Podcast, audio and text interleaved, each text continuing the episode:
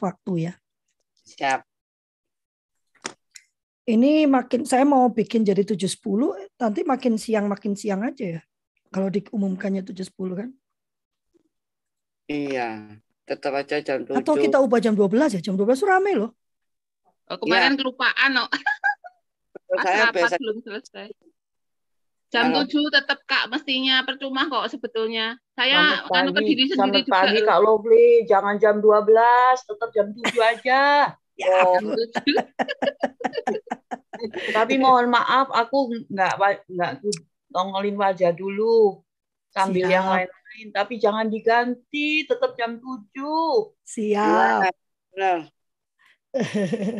Kalau juga tuh dia bikin dua kali jam 12 rame loh. Kemarin 37 orang. Terus yang Kenapa? hari Jumat tuh operet 25 orang apa gitu. Ini ternyata ini banyak yang pertanyakan kok kalau Flip bikin jam 12 apa ada orangnya? Ternyata ada banyak. Kita mulai ya. Iya, iya, boleh, boleh. Sendirian Silakan. saya ya. Ini harus salah satu belajar menjadi host dong, biar saya nggak sendirian.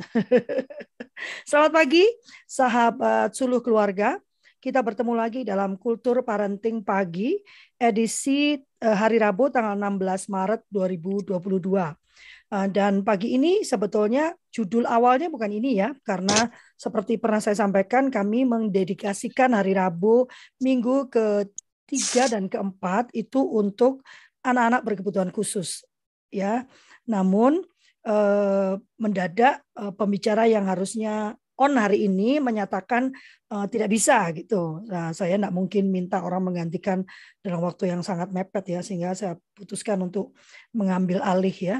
Eh, kembali saya masih tetap mengundang teman-teman yang sudah lulus dari Sulu Madya untuk mau berbagi ya, sehingga ilmunya itu nggak disimpan sendiri ya, bisa dibagikan dengan orang lain. Dan pagi ini eh, karena ini acara yang mendadak gitu ya, saya memutuskan saya akan membagikan mengapa selaku Sekretaris Jenderal eh, Asosiasi Sekolah Rumah dan Pendidikan Alternatif, saya memutuskan untuk kembali melakukan kampanye tentang sekolah rumah atau homeschooling ya. Jadi kalau namanya kampanye memang eh, Anda akan mendengar kebaikan-kebaikan tentang sekolah rumah gitu ya. Eh, tapi nanti Anda boleh bertanya langsung kepada saya lewat form absen yang kami bagikan untuk eh, untuk menanyakan hal-hal yang mungkin tidak tercakup waktu kampanye kami selama satu jam. Nah, alasan utama saya melakukan kampanye, eh, mungkin beberapa teman ada yang tahu, ada yang tidak tahu bahwa saat ini pemerintah bersama DPR tengah melakukan revisi Undang-Undang Sisdiknas. Ya, jadi undang-undang yang menjadi penaung pendidikan di negara kita ini saat ini sedang mengalami revisi atau perubahan ya, sedang mengalami perubahan dalam bentuk rancangan undang-undang dan rencananya akan segera menjadi topik pembahasan di DPR Komisi 10 tepatnya ya, komisi yang mengurus tentang pendidikan. Nah, waktu kami eh, para eh, apa aktivis ya atau pelaku eh, pendidikan membaca draft rancangan undang-undang yang saat ini juga sedang diprotes karena draft tersebut terkesan disembunyikan. Sebetulnya terkesan disembunyikannya sudah lama ya karena eh, proses penyusunan draft tersebut sudah dilakukan sejak setahun dua tahun yang lalu. Dan selama itu kami berusaha mencari draft ya penyusunannya tapi tidak pernah diberikan. Minta ke pemerintah nggak dikasih, siapa yang nyusun nggak diberitahu, begitu ya. Eh, Dan sebetulnya sebagai sekjen saya sudah mengajak teman-teman untuk terus mengangkat isu ini, tapi eh, seperti sekarang juga sebetulnya eh, terlalu banyak isu-isu lain yang menurut mereka lebih penting untuk diangkat. Sementara bagi saya, undang-undang itu adalah landasan ya. Landasan kita bergerak. Dan undang-undang itu apabila sudah disahkan dan kita hendak mengubahnya, maka prosesnya itu sangat panjang dan bisa sangat mahal. Karena tidak cukup dengan meminta pemerintah membatalkan, melainkan harus lewat Mahkamah Konstitusi dan itu mahal biayanya ya. Eh, eh, oleh karena itu saya menganggap ini adalah masa yang sangat krusial di mana kita be- berusaha keras ya mumpung belum eh, disahkan dan setengah akan melakukan pembahasan maka kita perlu menyampaikan apa yang menjadi eh, aspirasi inspirasi kita kepada pemerintah. Terkait dengan sekolah rumah ya beberapa hal yang tercantum di dalam rancangan undang-undang tersebut adalah uh, perubahan jalur pendidikan yang menjadi uh, tetap tiga tapi jalur pendidikan ketiga diubah menjadi pembelajaran informal. Dengan kata itu maka sekolah rumah yang sebetulnya jadi sekolah rumah itu secara definisi aslinya itu adalah pendidikan yang dilakukan oleh keluarga ya pendidikan dilakukan oleh keluarga. Bukan parenting ya tapi pendidikan yang dilakukan oleh keluarga di mana keluarga mengambil peran pendidikannya eh, sebagai pendidikan pertama dan utama bagi anak-anaknya. Sehingga anak-anak yang melakukan sekolah rumah tunggal itu juga eh, mengalami eh, apa proses pendidikan kesetaraan. Saya tidak mau menyebut proses pendidikan persekolahan karena nanti dipandangnya sekolah rumah itu adalah sekolah yang dilakukan di rumah ya. Uh, bagi saya itu uh, sangat sayang ya sangat sayang gitu ya. Kalau dan ada indikasi jalur-jalur pendidikan formal dan non formal itu diseragamkan kalau seperti itu bentuknya, maka nah menarik lagi. Kenapa mesti ada formal non formal ya satu aja gitu kan? Eh, justru yang menarik karena keberagaman. Sementara profil pelajar Pancasilanya diminta kebinekaan global, tapi bentuk pendidikannya diseragamkan. Dan uh, di dalam rancangan undang-undang itu kemudian uh, dengan di, tidak adanya pendidikan informal, maka peran keluarga di dalam pendidikan itu disebutkan adalah sebagai penyandang uh, sebagai penyedia dana pendidikan bagi anak-anaknya. Disebutkan juga di di apa di pasal di pasal sebelumnya bahwa uh, pemerintah uh, um, hanya menanggung biaya dasar pendidikan untuk masyarakat yang uh, ekonomi lemah ya. Sementara undang-undang 1945-nya menyatakan uh, bahwa uh, pemerintah itu wajib menyediakan pendidikan dasar gratis bagi seluruh warga Indonesia. SDG-nya eh, menyebutkan bahwa tahun 2030 eh, pemerintah itu sebagai eh, negara yang menyetujui SDG, jadi ada beberapa negara yang melakukan ini, maka tahun 2030 targetnya adalah pemerintah membiayai, menyediakan, sorry ya, menyediakan layanan pendidikan dasar dan menengah yang berkualitas bagi warga negara baik perempuan maupun laki-laki secara gratis. Jadi aneh ya kalau SDG-nya menyatakan kita harus menyediakan secara gratis, tetapi undang-undangnya Oh, kok linknya invalid ya? Padahal saya masuk, masuk dengan link yang sama ya. Undang-undangnya menyatakan eh, apa eh, bahwa eh, yang dibiayai pemerintah hanya pendidikan dasar, itu pun hanya bagi anak-anak yang tidak mampu ya. Itu satu. Dan juga kemudian disebutkan lagi bahwa yang dibiayai itu adalah biaya dasar pendidikan ya. Dan ini perlu di nanti biaya dasar pendidikan itu apa tidak dijabarkan di situ ya. Dan yang lebih penting lagi bagi saya bahwa saat ini yang diperlukan masyarakat adalah perluasan akses pendidikan. Sejak saya mengenal sekolah rumah saya mengusung sekolah rumah itu sebagai eh, bentuk lain ya untuk memastikan akses pendidikan itu terbuka lebar anak dengan bagaimanapun kondisinya dia punya pintu ya. Nggak cuma surga aja yang punya tujuh pintu gitu ya. Tetapi pendidikan itu punya pintu-pintu yang boleh dipilih anak sesuai dengan kondisinya dan kebutuhannya. Maka saya tetap kekeh mengatakan bahwa jalur pendidikan formal, non formal dan informal itu perlu di uh, tetap dibeli, diadakan gitu kan dan bahkan dipastikan uh, uh, layanannya dan juga jaminan kelulusannya uh, oleh pemerintah. Karena kelulusan itu adalah hak ya. Jangan salah ya. Bukan anak-anak itu wajib ujian supaya lulus tetapi ijazah dan kelulusan itu adalah hak mereka yang sudah melakukan proses pembelajaran. Jadi memang sudut pandang hak dan kewajiban itu sangat penting dipahami. Itu sebabnya dalam suluh eh, keluarga, suluh muda, yang kita pelajari adalah memahami hak-hak anak. Sehingga waktu kita membaca kegiatan itu kita tahu apa yang harus kita lakukan waktu kita membacanya dengan benar. Ya, adalah aneh kalau kemudian pemerintah membaca hak pendidikan sebagai kewajiban masyarakat untuk mendanai hak tersebut. Sementara kewajiban uh, hak atas sorry hak warga negara itu kewajibannya ditanggung oleh pemerintah.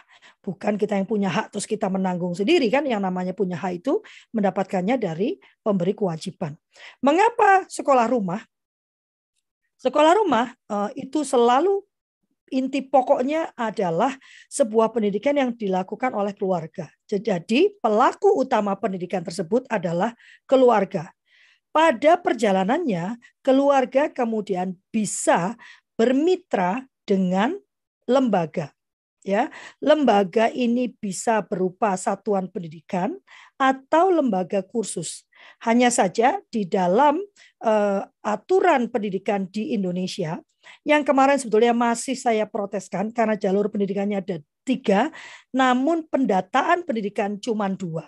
Ini sama seperti ya kita punya eh, jalan yang jalurnya tiga, tiba-tiba menyempit menjadi dua. Akibatnya macet. Ya, nah Seharusnya kalau jalur pendidikannya ada tiga, maka pemerintah juga menyediakan pencatatan dan dengan tiga jalur.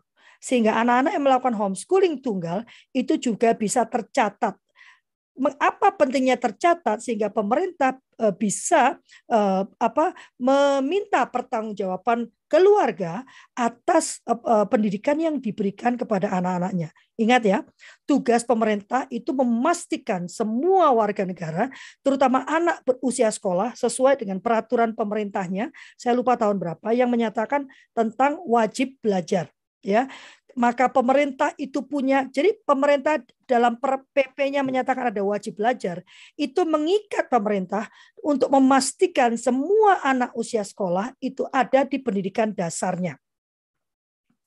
Oleh karena itu pemerintah harus memastikan jalur-jalur tersebut bisa diakses oleh anak di mana pun dia berada dalam kondisi apa pun dia agar ya kewajiban pemerintah untuk menyediakan uh, pendidikan dasar itu terlaksana. Maka uh, bentuk-bentuk uh, pendidikan yang terada yang disediakan oleh masyarakat ada sebaiknya juga di diapresiasi dan bahkan uh, dihargai dan dilindungi. Selama bentuk pendidikan itu masih uh, sesuai dengan undang-undang yang berlaku. Salah satunya ya sahabat, undang-undang itu menyatakan bahwa pendidikan itu dilakukan berdasarkan Pancasila dan Undang-Undang 1945 ya dan juga menyusul menyosok anak untuk memiliki kebinekaan. Maka apabila Anda kemudian menyelenggarakan pendidikan ya dengan tidak mengindahkan Pancasila, dengan tidak mengindahkan Undang-Undang 1945, dengan tidak menumbuhkan rasa kebinekaan, ada dua pilihan, either Anda drop itu atau Anda pindah negara ya. Karena undang-undang yang berlaku dan undang-undang itu adalah peraturan yang kita sepakati sebagai warga negara Indonesia. Maka apabila Anda kemudian melakukan sekolah rumah tunggal, tetap pendidikan Anda itu menjadi bagian dari Undang-Undang Sisdiknas, di mana perlu kita memahami undang-undang tersebut supaya kita tidak melakukan pelanggaran. Ya, dan saat ini apabila kemudian fungsi keluar dan yang kedua ya kita selalu uh, protes betapa karakter anak itu gagal dibentuk oleh persekolahan. Sebenarnya oleh Permendikbud nomor 30 sudah dijelaskan bahwa fungsi keluarga salah satunya adalah menumbuhkan karakter baik sejak dari rumah. Mengapa? Tidak ada penelitian yang bisa menunjukkan bahwa karakter itu dibentuknya di sekolah. Karakter itu dibentuknya dari keluarga. Mengapa? Karena waktu terbesar anak adalah di keluarga ya. Eh, lalu ada eh, pilihan mengambil alih peran keluarga dengan cara meletakkan anak di asrama. Bagi saya itu bukan penyelesaian masalah, itu hanya menunda permasalahan ya.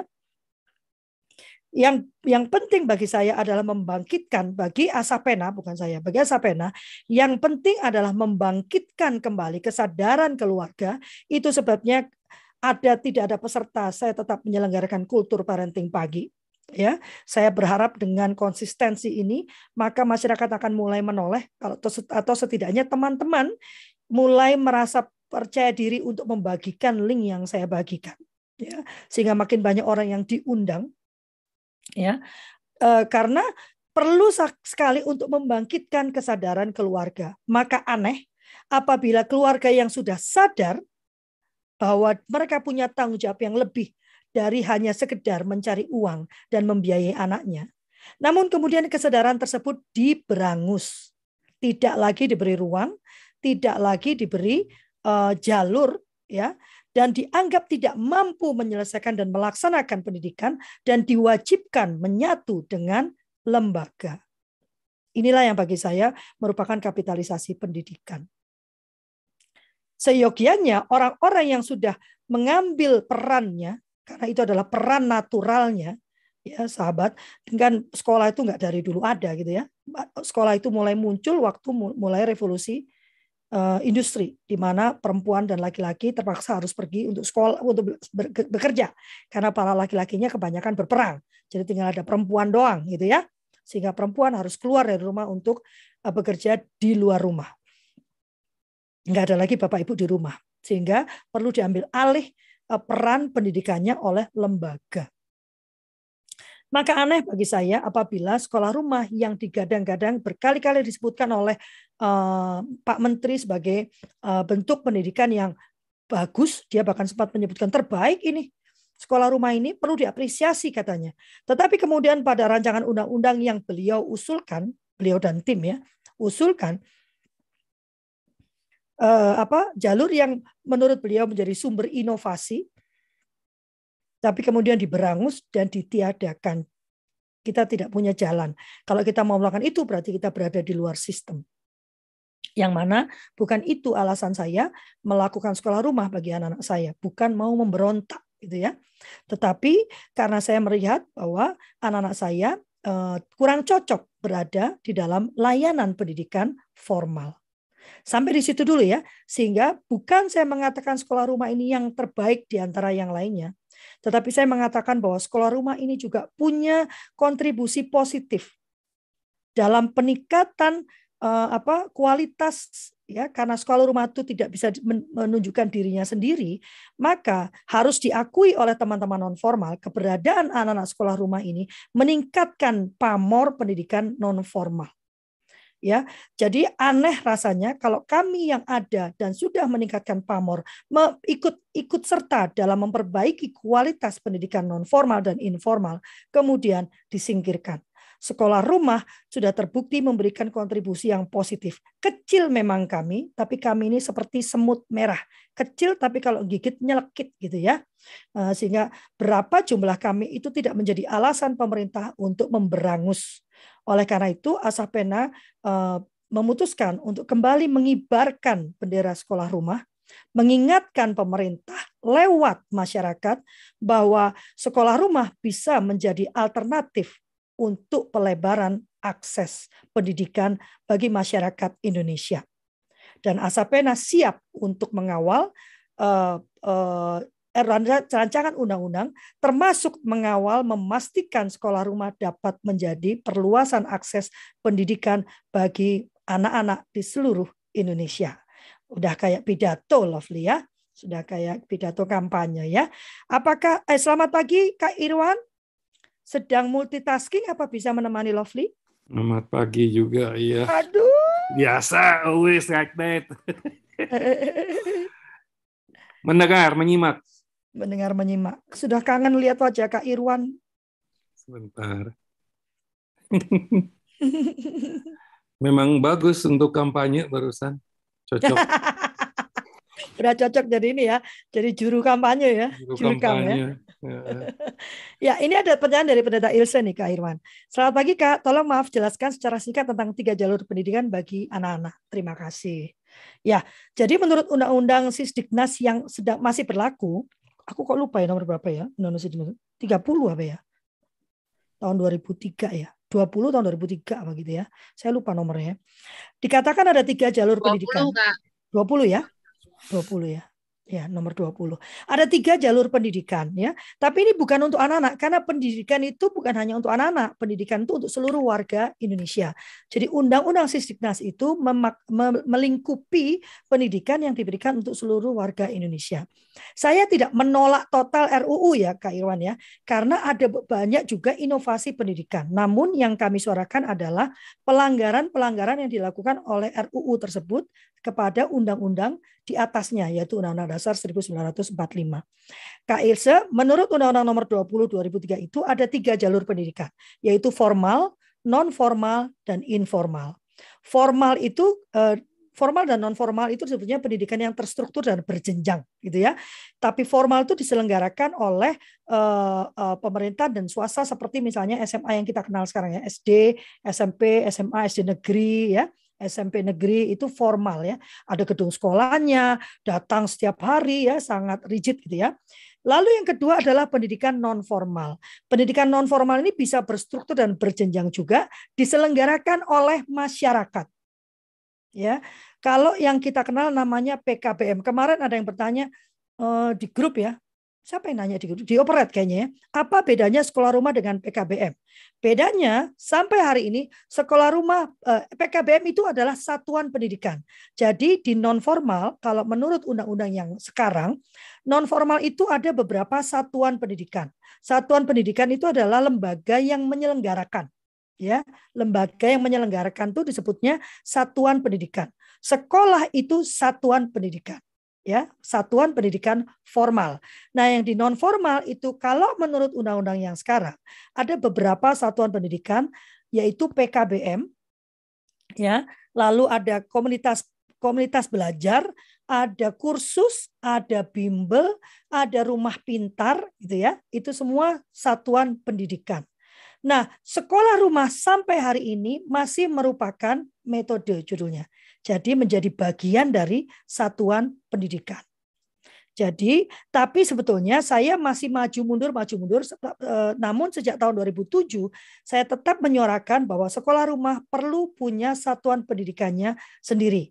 Hanya saja di kalangan pelaku sekolah rumah masih ada perdebatan. Apakah komunitas sekolah rumah itu bisa disebut sebagai sekolah rumah?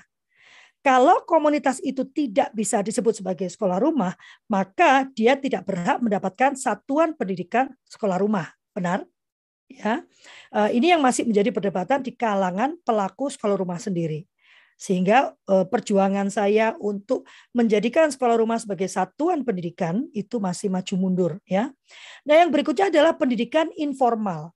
Pendidikan jalur pendidikan informal itu adalah jalur pendidikan yang diselenggarakan oleh keluarga dan masyarakat. Disebutkan di dalam undang-undang itu contohnya adalah sekolah minggu, ya, taman pendidikan Al-Qur'an, ya. Lalu juga bisa sekolah rumah. Kenapa? Sekolah rumah yang diselenggarakan oleh keluarga. Menurut Permendikbud nomor 129 tahun 2014, sekolah rumah itu ada tiga jenis. Ya, ada sekolah rumah komunitas, eh sorry, sekolah rumah tunggal, sekolah rumah majemuk, lalu sekolah rumah komunitas. Ya, sekolah rumah tunggal itu adalah sekolah rumah yang diselenggarakan oleh keluarga. Tok.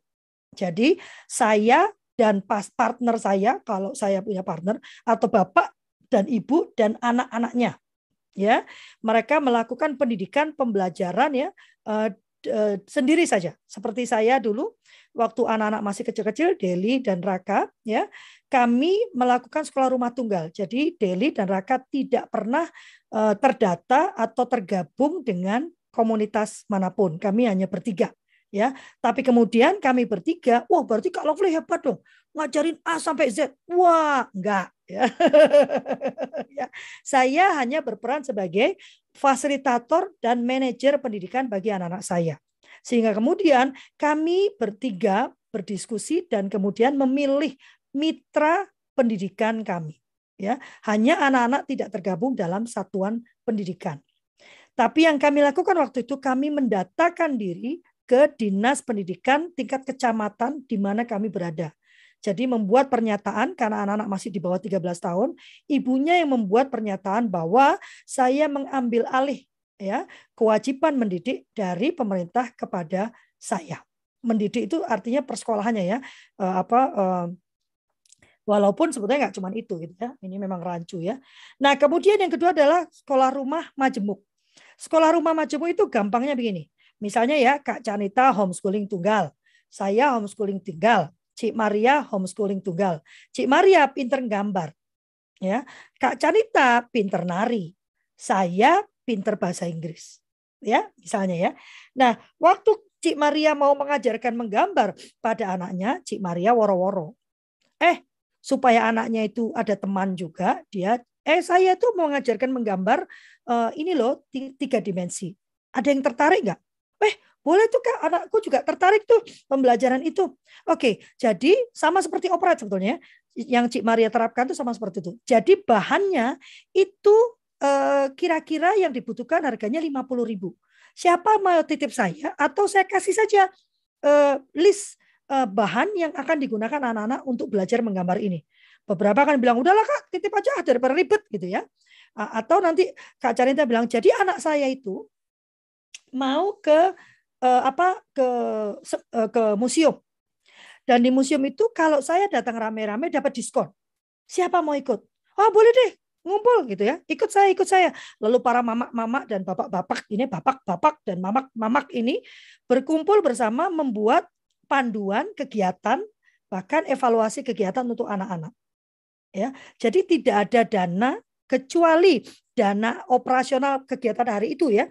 Jadi tidak ada pendanaan yang diberikan, tidak disediakan lahan untuk belajar, tidak disediakan materi untuk belajar. Semuanya dilakukan oleh orang tua, cuman mereka ngumpul-ngumpul sesekali ya, tidak secara reguler. Ini namanya majemuk ya. Kemudian ada homeschooling komunitas. Kalau homeschooling komunitas ini ada lembaga yang menyediakan tempat untuk anak-anak berkumpul, menyediakan fasilitator untuk membimbing belajar anak, menyediakan bahan ajar dan kurikulum dan bahan ajar bagi anak-anak. Nah, komunitas inilah yang kemudian oleh pemerintah diwajibkan untuk mendaftarkan diri menjadi satuan pendidikan. Mengapa? Karena komunitas ini tentunya dengan layanan yang dia berikan, dia menarik pendanaan dari masyarakat. Karena dia menarik pendanaan, maka pemerintah wajib melakukan perlindungan dengan mengawasi uh, operasional dari lembaga tersebut. Jangan sampai udah diambil duitnya tiba-tiba ngilang. Gitu ya. Maka perlu izin. Ya, beberapa orang itu ngomel-ngomel tentang itu bagi saya ini adalah bentuk perlindungan ya. Anda harus membaca dari kacamata pemerintah. Termasuk susunan kemarin kita menyusun standar ya teman-teman pada marah. Lo kan ini kan urusan kita sendiri homeschooling tunggal kok mau distandarkan. Standar yang diberikan adalah layanan minimum gitu ya. Kenapa? Karena tetap meskipun Anda melakukan uh, pendidikan secara informal, tapi pemerintah punya kewajiban memastikan hak pendidikan anak-anak itu sudah dilaksanakan ya. Jadi karena ini bentuknya karena pemerintah punya kewajiban sehingga dia kemudian membuat standar-standar supaya mudah di dalam melakukan pengukuran. Makanya saya berkata kalau kita tidak membuatkan standar dan memberikan kepada pemerintah, maka pemerintah akan membuat standarnya sendiri. Sementara kita yang paham apa yang kita kerjakan. Begitu ya eh, Pendeta Ilse. Semoga menjawab ya tentang tiga jalur pendidikan ini. Menjawab sangat ya. menjawab. Terima kasih banyak. Nah, di rancangan undang-undangnya itu diubah. Nah, ini sengaja saya sampaikan supaya terjadi gejolak ya. Dikatakan bahwa tiga jalur itu menjadi jalur pendidikan formal, lalu pendidikan non formal. Nah, ini yang merubahnya. Yang ketiga menjadi pembelajaran informal. Bagi bagi kami itu aneh. Bagaimana bisa tiga jalur tetapi tidak setara. Satu pendidikan, dua pendidikan, yang ketiga hanya pembelajaran. Kalau namanya pembelajaran tidak ada ujungnya. Kalau mau dapat ujung harus bergabung dengan yang pendidikan. Oh, gitu. Begitu ya, sehingga ini yang sedang kami perjuangkan. Kalau namanya tiga jalur yang harus harus setara dong, ya. Harus setara eh, pendidikan informal gitu ya. Karena ada beberapa yang yang menerjemahkan pendidikan informal itu adalah pendidikan yang spontan. Jadi tidak tidak sadar dan terencana. Sementara sekolah rumah itu tetap sadar dan terencana. Ya. ya. Terima kasih. Terima kasih ya. banget. Terima kasih. Ya, terima kasih pendeta. Ada lagi yang mau bertanya? Kak Maria, ada yang mau disampaikan? Kak Maria ini termasuk, jadi saya memulai homeschooling dari 2006-2007 ya. Kak Maria juga sama. Cuman anak dia lebih muda dari anak saya. Kak Feni, kalau Feni saya tertarik mengenai sekolah rumah ini. Hanya saja belum begitu paham apa tahapan-tahapan yang pertama kali harus ditempuh dan jika memilih homeschooling majemuk di mana ya saya bisa mendapatkan informasi tersebut. Ya, permasalahannya kenapa saya juga mengusulkan perubahan Permendikbud 129 karena apabila Anda di dalam konstelasi eh, sistem pendidikan kita, kita tetap harus menyatu dengan satuan pendidikan. Jadi karena adanya dapodik, anak-anak pelaku sekolah rumah itu tidak bisa hanya mendaftar ke satuan pendidikan saat perlu ujian ya eh, dan ini sebetulnya saya membuat saya masuk akal tapi saya meminta pemerintah juga harusnya mencantumkan pendidikan informal ke dalam dapodik. Jadi anak-anak yang melakukan sekolah rumah itu harus punya nomor induk siswa. Karena bagi saya nomor induk siswa itu kan hak anak. Maka anak yang terlahir di Indonesia itu semuanya harus otomatis punya nomor induk siswa. Kenapa nomor KTP kita bisa menjadi nomor pajak sementara nomor anak itu tidak otomatis menjadi nomor induk siswa? Kalau perspektifnya orang eh, pemerintah itu wajib menyediakan layanan pendidikan, maka yang perlu dia lakukan adalah memetakan anak dengan nomor induk ini, semua anak dinomerin. Kejam banget ya. Lalu pemerintah mencari tahu anak ini ada di eh, apa jalur yang mana. Kalau zaman sekarang itu kan ada anak yang tidak punya nomor induk siswa.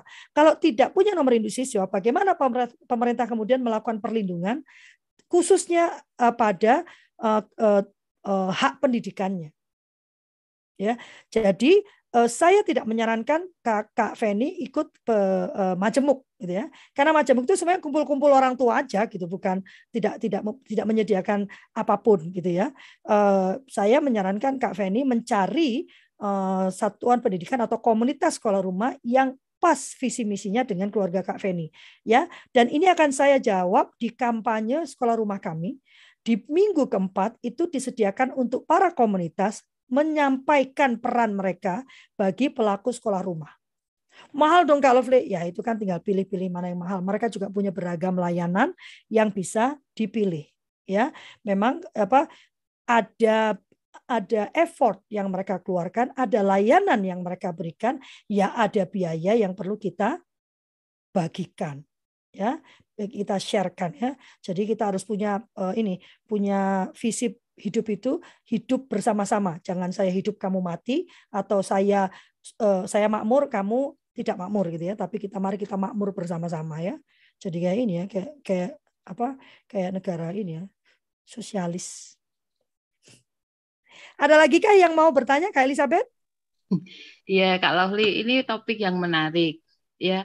Uh, kalau saya mendengar dari awal tadi ya, memang Kak Lovely dan teman-teman itu masih jauh sekali perjuangannya. Saya compare jadinya dengan Himpaudi. Saya kan berarti kalau pendidikan KB itu kan di bawah Himpaudi ya, Bundo Neti itu.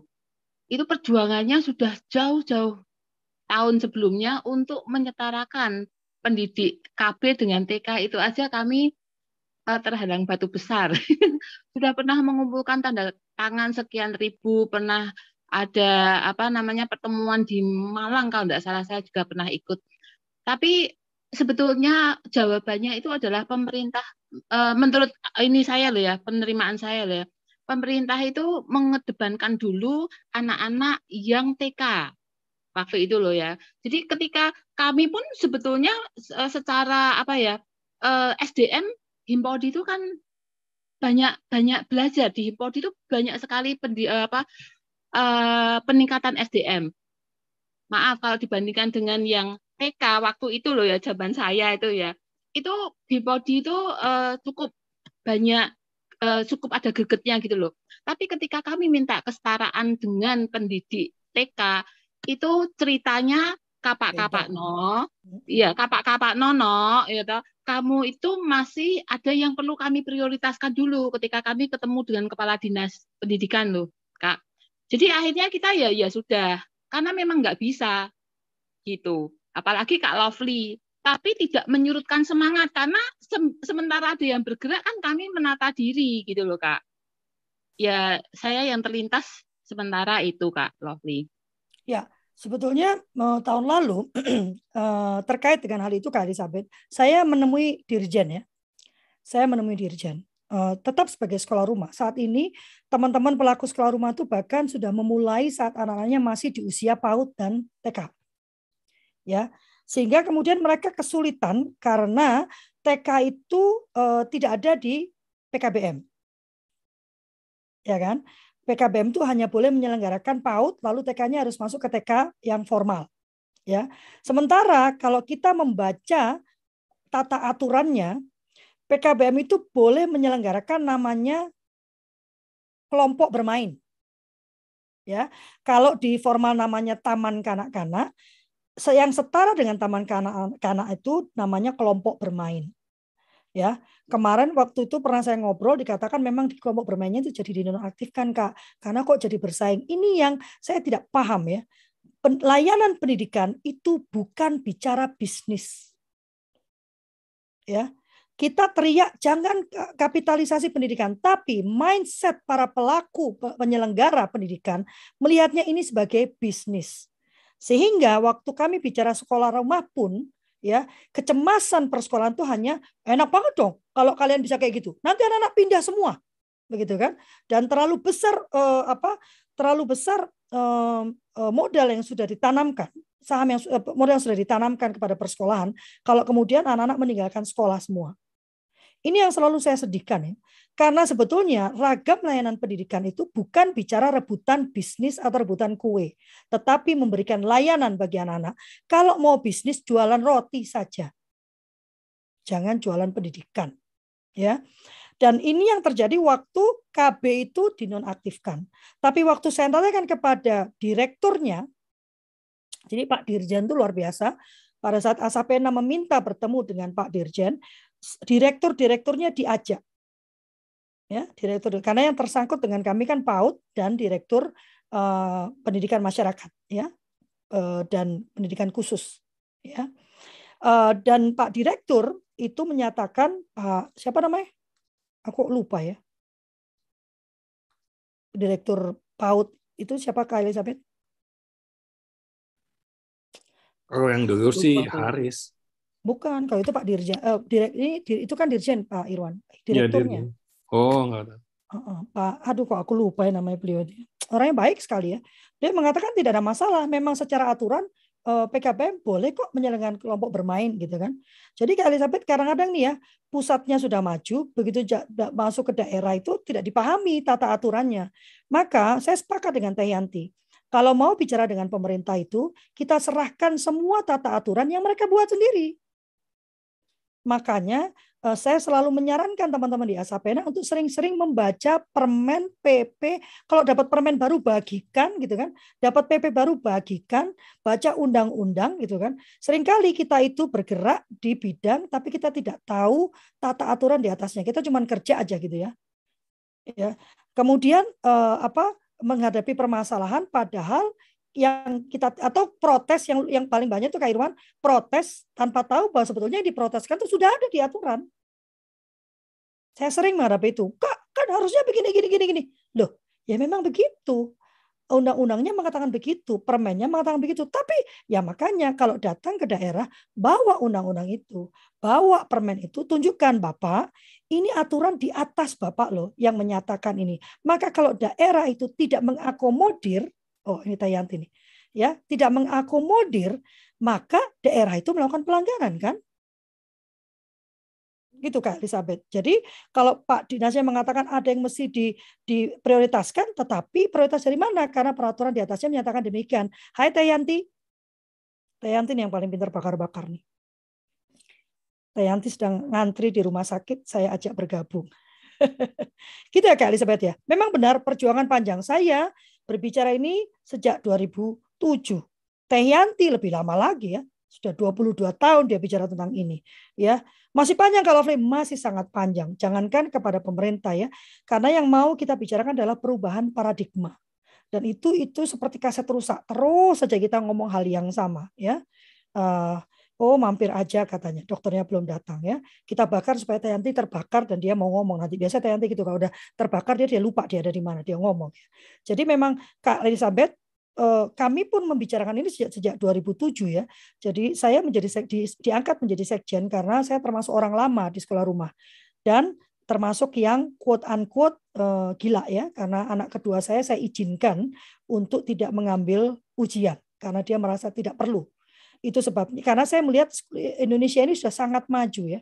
Dia memberikan layanan dan peluang bagi masyarakat Indonesia di usia mana pun untuk mengambil pendidikannya. Makanya ada paket A, paket B, paket C kan.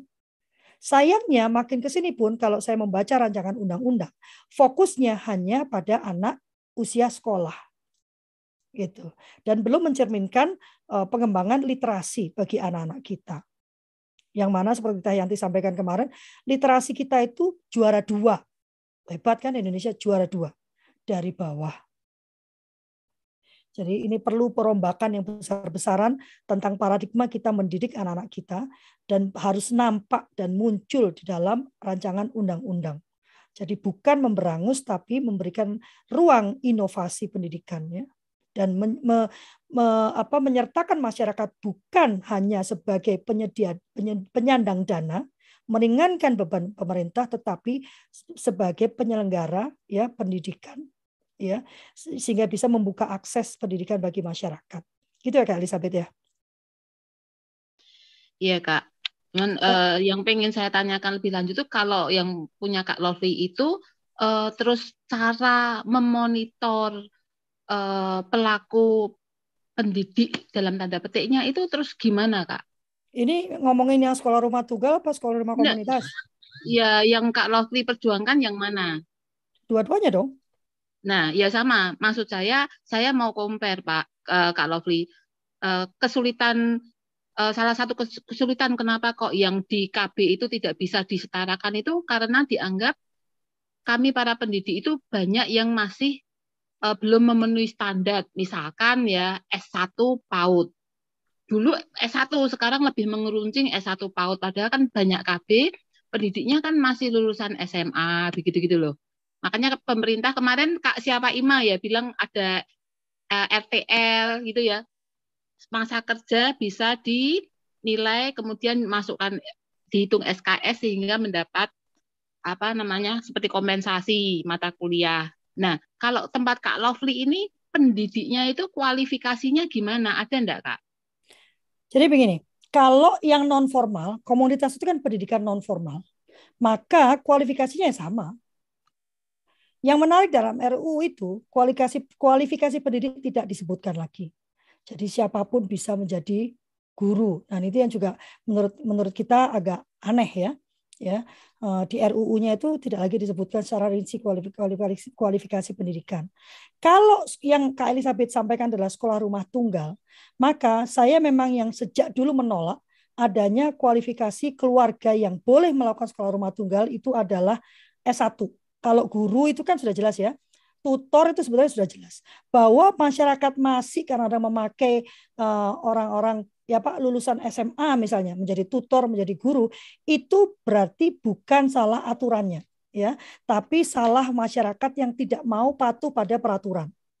Ya, makanya sebagai masyarakat penting tahu tata aturannya. Sebetulnya pendidikan usia untuk anak pendidikan dasar itu sudah harus S1. Dan harusnya, ini harusnya ya menurut saya, pendidikan anak usia dini dan TK atau KB itu juga harus S1 karena teman-teman di PAUD dan TK dan KB itu meletakkan dasar landasan buat anak-anak itu masuk ke tahapan pendidikan berikutnya. Dan tahap pendidikan sesungguhnya kalau mau dibilang akademik itu kan dimulai di SD. Maka persiapan di PAUD dan TKB itu sangat penting. Dan TK dan KB maksudnya. Benar kan Kak Elizabeth? Betul sekali. Yes, hanya di lapangan masih ditemukan itu, ya kan? Cuman orang-orang anak-anak. Saya tidak mendiskreditkan ya, tapi ini kan kita bicara tentang kualifikasi pengajar. Terus kenapa kalau kalau setuju eh, yang formal non formal itu ada kualifikasi minimumnya, tapi kok keluarga enggak, gitu ya? Karena pada formal dan non formal ada biaya yang dibayarkan keluarga atau masyarakat kepada lembaga tersebut maka lembaga tersebut harus menjaminkan mutu para pendidiknya yang paling minimum bisa kita lihat itu adalah latar belakang pendidikannya. Benar? Hmm. Bagaimana Hmm. dengan non informal? Bagaimana dengan keluarga? Saya mengatakan sejak dulu saya berkata kepada pemerintah, kecuali pemerintah bisa menjamin akses ya, akses itu artinya ketersediaan dan juga keterjangkauan. Ya, setelah kalau pemerintah bisa menjamin akses bagi semua perempuan dan laki-laki untuk mendapatkan S1, maka boleh pelaku sekolah rumah tunggal itu kemudian dipersyaratkan menjadi S1. Maka nanti mau menikah itu harus sarjana dulu. Kenapa? Karena nanti kalau mau jadi orang tua Anda harus sarjana dulu. Gitu ya. Itu sebabnya bagi saya yang penting adalah menyediakan pelatihan.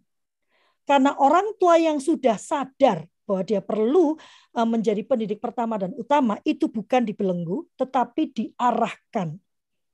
Maka Asapena sedang membentuk uh, timnya untuk punya namanya komunitas sekolah rumah. Komunitas sekolah rumahnya Asapena itu bukan satuan pendidikan, tapi tempat para pelaku sekolah rumah untuk mengumpul dan mendapatkan uh, pembelajaran ya dan informasi tentang konsep-konsep metode-metode ya dan permasalahan-permasalahan di sekolah rumah. Ya, bagi saya ini penting uh, karena saya melihat sudah mulai banyak orang yang keliru menerjemahkan makna sekolah rumah. Saya sekolah rumah loh. Oh ya, iya.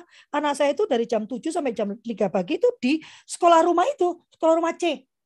Loh, ya saya nggak bisa lah kak, saya kan kerja. Ya saya taruh aja lah di sekolah rumah C itu. Bagus kok kak, saya itu bukan sekolah rumah, itu pendidikan non formal. Jelek dong kak? Ya enggak, boleh-boleh saja kan pendidikan itu disediakan berbagai jalur, berbagai jenis untuk melayani sesuai dengan kebutuhan anak dan kondisinya. Gitu ya kak Elizabeth ya. Jadi kualifikasi uh, untuk sekolah rumah tunggal, bahkan saya berhasil menggolkan itu di uh, kemarin dengan BSNP itu kita menyusun standar layanan sekolah rumah tunggal kualifikasi keluarganya tidak ada kualifikasi. Kualifikasinya lebih pada kualifikasi pemahaman tumbuh kembang anak, kualifikasi pemahaman pedagogik yang mana itu bisa dilatihkan tapi tidak menjadi S1. Namun mitra keluarga tersebut dalam melakukan pendidikan itu ada kualifikasinya. Karena kalau mitra berarti orang itu kan dibayar. Ya, sehingga dia perlu menunjukkan kualifikasi minimumnya yang membuat dia pantas untuk dibayar dengan harga yang dibayarkan. Gitu ya Kak Elizabeth? Iya Kak, jelas Kak. Tetap ya. kualifikasi standar minimum di sekolah keluarga pun kan berarti harus ada walaupun bukan S1 ya iyalah. Tapi berarti harus ada standar supaya pemerintah kan bisa melihat nanti hasilnya seperti apa kalau diajar dengan uh, keluarga atau kepala keluarga yang punya standar minimum ini gitu kan Kak? Ya, tapi standar minimumnya bukan kualifikasi akademik, melainkan pemahaman-pemahaman misalnya tentang hak anak, tentang tubuh kembang itu yang kemudian saya wujudkan dalam suluh keluarga. Yeah, Karena bagi yeah. saya seharusnya itu adalah kualifikasi minimum yang dimiliki oleh semua orang tua, bukan hanya yang uh, melakukan sekolah rumah. Benar ya Elizabeth ya? Sebaiknya betul, orang betul. tua itu punya punya kualifikasi, maka menurut saya begitu orang itu menikah dia wajib masuk suluh keluarga menurut saya ya. Karena setidaknya sebelum dia punya anak, dia sudah memahami dulu dasar-dasarnya yang perlu dia ketahui waktu dia punya anak. Gitu ya Kak Elizabeth? Betul banget Kak. Cuman kan masalahnya ini kan tidak hanya di satu sisi segi kehidupan tentang pendidikan saja toh. Pak. Kita kan kesandungnya itu kan karena ada masalah ekonomi. Ya. Status sosial itu Kak. Kalau kita lihat aja kultur kultur parenting seperti ini itu kan sebetulnya bagus banget. Hmm. Tapi ketika kami bantu untuk sharekan itu ya peminatnya itu ya, ya. karena apa? Kegiatan ini loh. Saya nggak tahu mau dibawa ke mana kalau sebetulnya kan bagus banget kita step by step. Kak Lovely ini berarti sebetulnya memulai kultur parenting dengan tadi yang dibilang Kak Lovely di depan ya. Ada tidak ada pendengar saya selalu gak itu itu itu saya acungi jempol dan saya ikut mendoakan Kak Lovely. Tapi memang seperti ini nih seben, harusnya didengar seperti saya sendiri. Saya um, apa ya? menilai diri saya sendiri Kak Lovely bilang gitu kok ya kebangetan tapi ada saat-saat seseorang itu harus ketemu dengan harian yang harus dihadapi ya sudah saya on kan saja tapi kan tidak semua bisa seperti itu yes. jadi sandungannya kan banyak Kak Lovely yes yes karena itu kan bicara tentang paradigma ya Kak Elizabeth paradigma melihat anak. Ya, itu juga kenapa batu sandungan kalau kita bicara tentang hak anak. Secara budaya, anak itu kan milik keluarga. Ya, jadi terserah kita mau ngapain. Satu. Dan memang paradigma berpikir orang Indonesia itu belum pada keilmuan. Benar ya Kak Elizabeth ya? Jadi uh, karena ya itu karena tingkat literasi kita masih rendah. Misalnya ya, uh, kalau teman-teman ada di operate, kalau saya melempar isu, ya saya saya kurang suka kalau isu itu kemudian direspon dengan pendapat personal. Ya, isu itu harus direspon dengan referensi. Itulah literasi kan. Mau berdebat itu berbasiskan keilmuan. Nah, ini kan belum menjadi budaya di Indonesia Elizabeth. Sehingga kalau kita bicara parenting, ya begitulah, belum berlandaskan keilmuan gitu ya. Dulu saya udah bicara ini sejak saya punya anak ya, sejak saya uh, saya punya anak gitu kan. Dan saya selalu dicemooh gitu ya, karena uh, anak-anak saya masih kecil. Anak-anak saya sudah besar ya, dan sudah menurut saya saya sudah cukup berhasil dalam melakukan apa yang saya mau karena yang saya laku uh, yang sekarang anak-anak lakukan itu itu termasuk goal saya Makanya kadang-kadang kalau ada yang bilang, kalau Fli, uh, uh, kalau Fli sukses ya, saya bilang, oh tergantung definisi suksesnya. Kalau definisi keluarga sukses itu adalah anak saya mendapatkan pekerjaan yang layak, gaji besar dan sanggup uh, apa uh, membeli barang-barang mewah, maka dalam definisi itu saya tidak sukses dong. Anak-anak saya tidak bergaji besar. Ya kan? Tetapi definisi sukses itu sangat tergantung pada visi misi keluarga.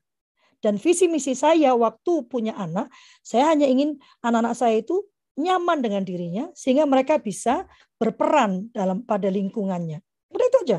Saya enggak, saya bahkan bersiap kalau anak saya itu memutuskan untuk hidup miskin. Itu kan keputusan ya. Hidup miskin hidup kaya itu kan keputusan kalau menurut saya. Kalau uh, waktu dulu juga waktu anak-anak mau homeschooling, yang saya tanyakan, jadi kamu itu mau bodoh atau mau pintar? Hah? Dia bilang itu. Karena itu keputusan. Kalau kamu memutuskan mau pintar, ya, maka adalah tugas mama memberikan fasilitas seluas-luasnya agar kamu menjadi pintar. Tetapi kalau kamu sendiri sudah memutuskan menjadi bodoh, semua uang yang mama berikan tidak akan ada manfaatnya. Sementara mama ini bukan orang kaya. Kalau memang kau memutuskan menjadi bodoh, lebih baik mama mengalokasikan dana secukupnya buat kalian, sisanya mama berikan pada anak-anak yang memutuskan menjadi pintar. Bingung mereka kan? Dan ini saya sampaikan ke Deli waktu dia umur 6 tahun. 5-6 tahun ya, masih kecil ya. Bingung Deli. Ya aku mau pintar, Ma. Oke, kalau memang mau pintar, ayo. Mama akan kerja keras supaya kamu bisa mencapai tujuanmu menjadi pintar. Jadi yang saya katakan kepada teman-teman yang saya sampaikan itu saya kerjakan di rumah. Kalau dulu saya dimaki-maki ya, diomelin. Kalau itu hidupnya utopis katanya ya, di dunia yang terlalu sempurna. Saya nggak sempurna, tapi kan saya terus berusaha memperbaiki kesalahan-kesalahan saya kan. Dan sekarang anak-anak saya udah besar, sehingga saya makin pede bicara tentang itu. Nah, Kak Elizabeth, bagi saya yang namanya mengubah paradigma itu memang sulit. Orang tua biasanya datang ke kami kalau sudah menghadapi masalah. Dan itu lebih berat kalau sudah menghadapi masalah Ya kami nggak bisa ngurusin, yang bisa ngurusin psikolog. Nggak mungkin Lovely bisa ngurusin, benar nggak Kak Irwan ya? Lovely bisa melakukan, mengajak teman-teman melakukan pencegahan. Ya kan Irwan, kalau anak itu sudah depresi, ya kalau sudah mengalami kecanduan, seorang Lovely tidak bisa membantu. Saya hanya bisa menyalurkan, benar nggak Kak Irwan ya? Silakan kontak Kak Irwan misalnya, ya atau psikolog ini misalnya gitu ya karena sudah terjadi, sudah masuk ke klaster kelima kalau kita bicara perlindungannya, ada klaster perlindungan khusus. Maka harus ditangani oleh profesional. Yang bisa saya kerjakan adalah terus berteriak, melakukan pencegahan. Dan saya percaya, Kak Elizabeth ya, terus aja bagikan linknya gitu kan. Suatu hari nanti judul itu akan sesuai dengan kebutuhan dia. Nggak muncul lagi, pokoknya bagikan saja. Saya sudah di blog berapa orang aja itu ya, karena saya bagikan terus itu spamnya ya. Tapi juga banyak orang yang Eh, mengapresiasi ya sudah kita bekerja untuk uh, untuk kebaikan anak kan. Saya selalu bilang di parenting ini jalan yang sunyi. Parenting itu jalan yang sunyi karena dianggap tidak penting. Sementara tugas keluarga itu sangat penting. Tidak akan mungkin sekolah berhasil menerapkan pendidikan uh, karakter tanpa eh, dimulai dari keluarga, bukan dukungan ya, dimulai dari keluarga. Bagi saya karakter itu dimulai dari rumah, lalu diresonansi, diperkuat di sekolah, bukan kebalikannya. Kita sekarang terbiasa dengan pendidikan karakter di sekolah kemudian diperkuat di rumah. Kebalik. Pendidikan karakter itu dimulai dari rumah dan diperkuat di persekolahan atau di satuan pendidikan. Sudah jam 8 lebih 7 ya. Menarik ya ternyata ya. Yuk eh, bantu saya meramaikan kampanye sekolah rumah. Bantu kami untuk kembali menyuarakan dan mengingatkan pemerintah lewat kita semua bahwa sekolah rumah pun, oh pendeta mau bertanya, silakan deh. Eh, saya bukan bertanya, tapi saya mendukung Kak Lovely di bagian saya karena saya pendeta, saya bergerak di sekolah minggu, saya sedang melakukan semuanya ini saya gembar-gemborin tentang pendidikan ini.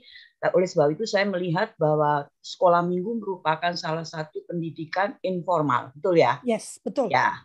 Jadi saya akan bergerak di situ bersama-sama dengan Kak Dibora dan Pak Ishak jadi tolong didoakan, kami sedang melakukan itu dan luar biasa. Yang ikut ada 70 orang. Tapi nanti gini Bu Pendeta ya, ingat ya, ya begitu ya. pendeta itu menarik pendanaan, oh, maka pendeta harus berubah harus berubah menjadi pendidikan non formal. Hmm. Mengapa? Karena itu adalah bentuk perlindungan pemerintah atas dana yang eh, eh, pendeta tarik dari masyarakat. Ya.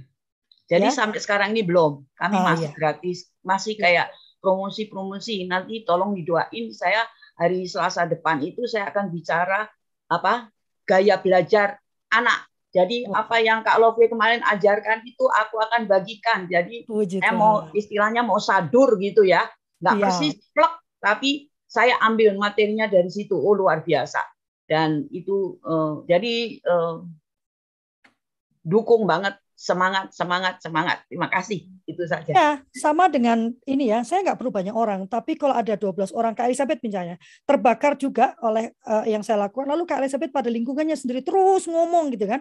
Ke Kak Ilson ngomong terus itu kan sudah uh, duplikasi ya. Sudah duplikasi. Kalau Elizabeth, Kak Elizabeth melihat kultur parenting pagi ini bagus loh Kak.